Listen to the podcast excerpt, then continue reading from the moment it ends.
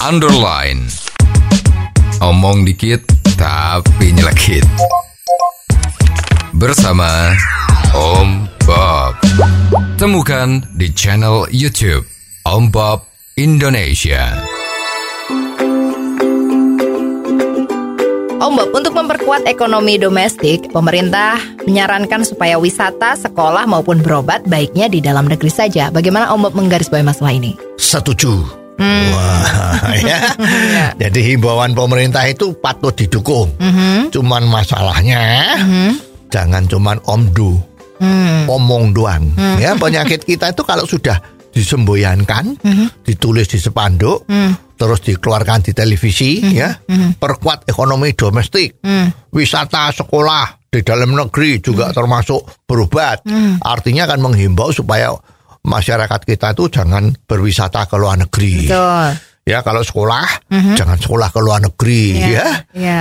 Kalau berobat juga jangan ke luar negeri ya. Betul. Lah harusnya dicari dulu akar permasalahannya. Kenapa kok berwisata ke luar negeri? Ya. Ya. Ya. Nah ini umumnya kalau orang yang belum pernah ke luar negeri kan wisata pertama negara tetangga Singapura ya karena ongkos pesawatnya itu kalau Jakarta Singapura atau Jogja Singapura Semarang Singapura Surabaya Singapura itu lebih murah Hmm. ketimbang kita berwisata ke Raja Ampat di Papua sana, Iya. ya kan? Ya. Jadi ya faktor mempengaruhi orang berwisata ke luar negeri itu kan banyak. Ya. Terus di samping itu kalau harus wisata di dalam negeri Mhm. itu, nah sekarang infrastrukturnya gimana? Hmm. Memang Indonesia itu terkenal negara yang dengan pemandangannya yang luar biasa. Mhm. Tapi infrastrukturnya gimana? Hmm. Kalau mau ke daerah-daerah yang begitu bagus, misalnya Bromo, itu kan padang pasirnya, kawah ijennya, itu kan bagus sekali ya. Ya.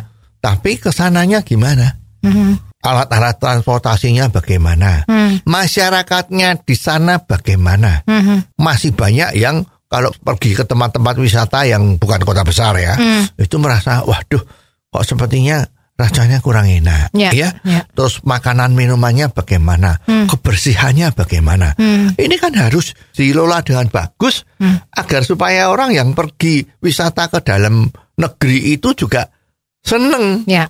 Dan juga kalau memang wisata itu mau dikembangkan, ya mestinya janganlah di kotak-kotakan. Ya. Oh di sini wisata maaf wisata halal ya, terus di kotak-kotakan seperti itu itu kan juga nggak bagus Ya. ya. Nah oke sekarang mulai sekolah. Hmm. Nah sekolah di Indonesia itu terkenal terbaik dari bawah ya, setengah mati kan. Ya. Nah sekarang kalau mau tetap disuruh sekolah nang Indonesia, tetapi ternyata mutunya itu tidak bisa dipegang. Lulusan sekolah itu masih belum siap kerja misalnya. Ini apa? Orang tua mau menyekolahkan anaknya di sini. Hmm. Ya soal biaya relatif sama lah ya. Ya memang luar negeri lebih mahal. Ya. Tetapi kalau sekolah di luar negeri udah kelihatan, ya kan? Begitu lulus sudah banyak yang siap untuk menerima. Ya. Ya, kalau tidak sudah siap untuk menjadi entrepreneur. Tapi kalau sekolah di dalam negeri, langkah-langkah seperti itu nggak ada. Ya, kebanyakan kan kita tahu nih orang yang sekolah di dalam negeri ini kan pengennya dapat ijazah Ya. bukan dapat kepinteran. ya, Ya. jadi sekolahnya dibuka sebanyak-banyaknya, tapi pelajarannya seperti itu. Kalau sekolahan ini sebenarnya yang salah siapa Om Bob? Ya, karena sekarang sekolahan kita ini kan terkenal ya peraturan atau kurikulum itu dari dulu tuh gonta ganti gonta ganti terus berapa jauh, Ya. berapa banyak. Iya, iya. Ya, mestinya kita lihat aja negara tetangga kita. Dulu Malaysia itu minta dikirim guru dari Indonesia. Betul. Sekarang mutunya jauh lebih tinggi dari mutu dari dalam negeri ini. Iya, iya. Sekarang banyak orang yang sekolah di Malaysia, Johor tuh banyak itu murid-murid dari Indonesia, baik SMA maupun yang universitas. Betul. Nah sebetulnya dikatakan di Indonesia itu mulai SD, SMP, SMA itu mutunya kalah. Ya mestinya kita tidak usah gengsi lah ya. Kalau memang kita kalah, kita belajar. Seperti dulu yang sering dikatakan ya ada filosofi Jawa yang bagus ya. Kita niru saja. Niteni terus ditiru terus ditambahi yang kurang-kurang baik ditambahi baiknya. Nah sekarang kita tuh rasanya kan nggak mau niru. Mau nyiptakan sendiri. Nah kalau bisa yang paling bagus oke sekarang pergi ke tetangga kita Singapura. Ya. Kenapa anak-anak SD, SMP di sana kreatif sekali? Kenapa? Dilihat kurikulumnya, tembak saja, ditembak, dipersiskan. Meng bahasa sana kan bahasa Inggris atau bahasa Mandarin, Nah, diterjemahkan menjadi bahasa Indonesia, gitu kan? Ya. Udah gitu aja.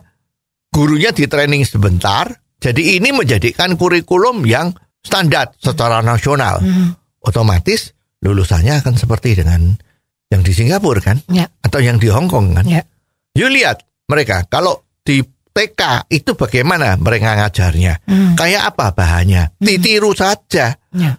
Ya, seperti contohnya tuh kalau di tingkat SMA, kalau kita lihat di Hong Kong, itu begitu lulus SMA, dia udah bisa nulis surat, ya, sudah bisa buka faktor pajak, sudah bisa macam-macam, pembukuan udah bisa. Sekarang di sini lulus SMA bisa apa? Nggak bisa apa-apa, masih harus di kursus macam-macam. Ya. Nah ini kan kelemahan kita.